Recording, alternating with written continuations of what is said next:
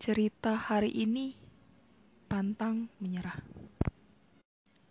Aku adalah bukti hidup bahwa cara kita bereaksi atas berbagai hal dalam hidup bisa menentukan hasil yang kita terima.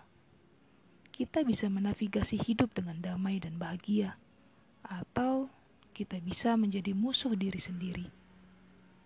Masa kecilku berantakan. Orang tuaku sempat hidup berkecukupan. Lalu mereka kehilangan segalanya. Keluarga kami pindah dari peternakan di pinggiran kota yang nyaman ke daerah paling kasar di kota. Ditambah lagi, aku adalah anak berdarah campuran dan dengan cepat sadar bahwa aku tidak pernah benar-benar diterima dalam pergaulan. Gadis-gadis kulit hitam tidak menyukaiku. Mereka bilang aku berusaha terdengar berkulit putih.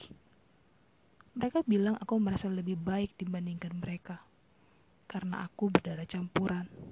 Lalu mereka mengancam akan menghajarku. Gadis-gadis kulit putih mengabaikanku saat aku mencoba berteman dengan mereka karena tempat tinggalku. Mungkin menurut mereka aku berbahaya. Setidaknya aku sama sekali tidak punya kesamaan dengan mereka. Dan aku tidak memenuhi standar mereka. Ayahku terpaksa melakukan dua pekerjaan. Jadi dia sering tidak ada di rumah. Dia tetap berusaha menanamkan keyakinan mendalam dalam keluargaku ibuku mulai menunjukkan gejala-gejala paranoid. Dia sering menuduh ayahku berselingkuh ketika ayahku bekerja.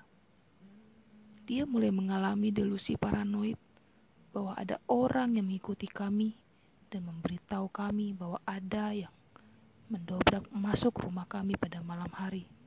Padahal tidak ada yang hilang. Suatu hari dengan terengah-engah, ibuku berkata bahwa dia baru saja berku selesai berkulat dengan iblis di dapur kami. Saat itulah aku yakin bahwa ibuku mengidap gangguan mental. Tak lama kemudian, dia mulai bergaul dengan teman-teman barunya. Dulu, anak-anak adalah prioritas ibuku. Tetapi sekarang aku dan saudaraku hanya dianggap pengganggu. Jadi, tak heran ibuku meninggalkan ayahku.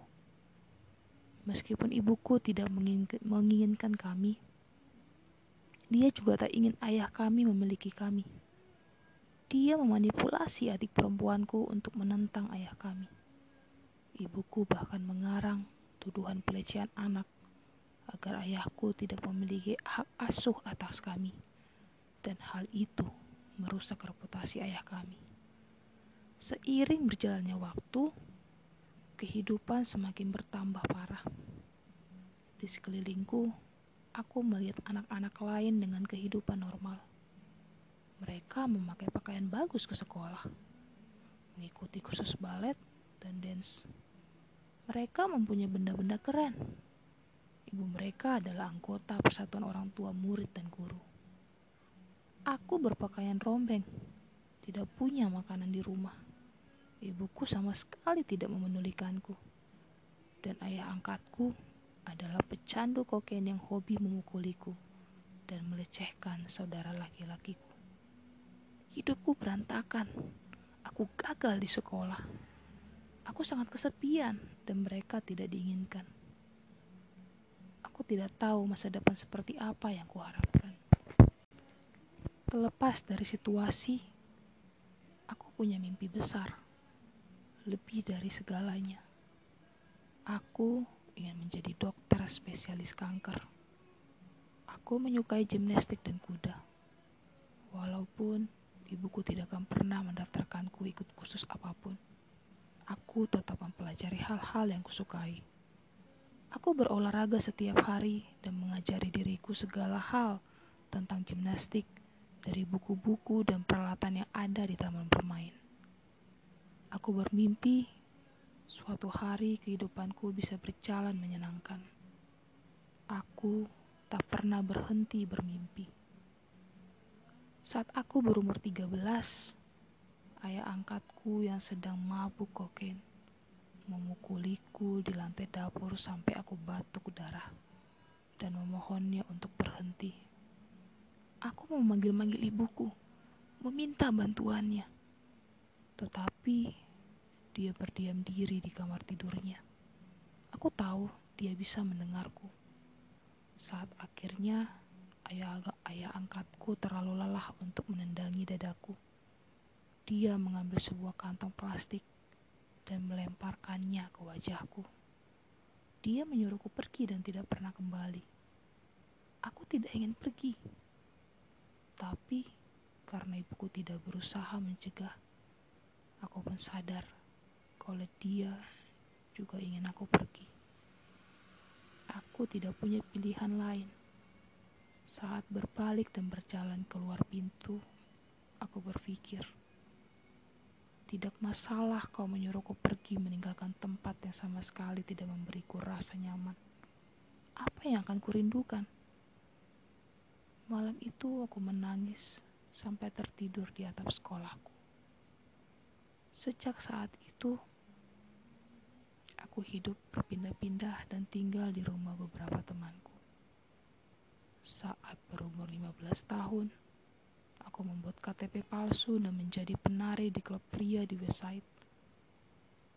Hanya itulah satu-satunya pekerjaan yang bisa ku dapat. Tapi ternyata itu perangkap. Aku sadar kalau semua gadis yang bekerja di sana memakai narkoba dan punya masalah hukum. Kebanyakan tamu klub, kas klub kasar dan sering merendahkanku. Waktu aku bilang bahwa aku ingin berkuliah, mereka menertawaiku. Aku mulai marah, marah pada mereka dan pada kehidupan. Aku punya impian besar dan merasa lahir tanpa satupun kesempatan. Tetap saja, aku bertekad untuk mewujudkan mimpiku. Ada semangat pejuang tertanam dalam diriku. Aku berhasil menghindari godaan narkoba dan masalah lain yang lebih besar. Tetapi aku menginginkan lebih. Aku ingat keyakinanku pada Tuhan, meskipun aku tidak bangga dengan cara hidupku. Aku mendaftar masuk ke kelas saat berumur 16 setiap ada orang yang berkata bahwa aku tak bisa melakukan sesuatu, aku semakin terbakar untuk membuktikan bahwa mereka salah. Aku memanfaatkan kenegatifanku sebagai pendorong yang membantuku meraih kendali atas hidupku.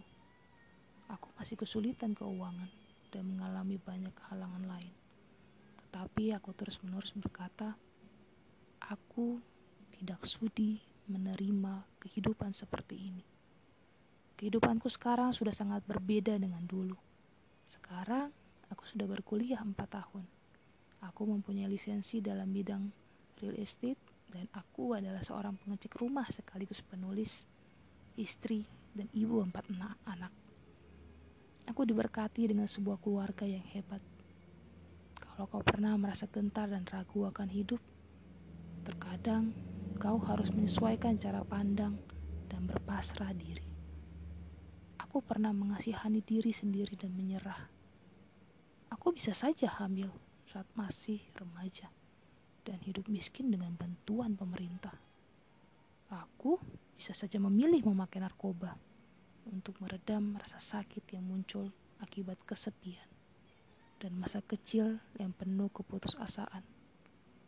Tapi aku memilih untuk menemukan kekuatan batin yang kurasa dimiliki semua orang Aku memilih untuk pantang menyerah, dan kau pun bisa melakukannya.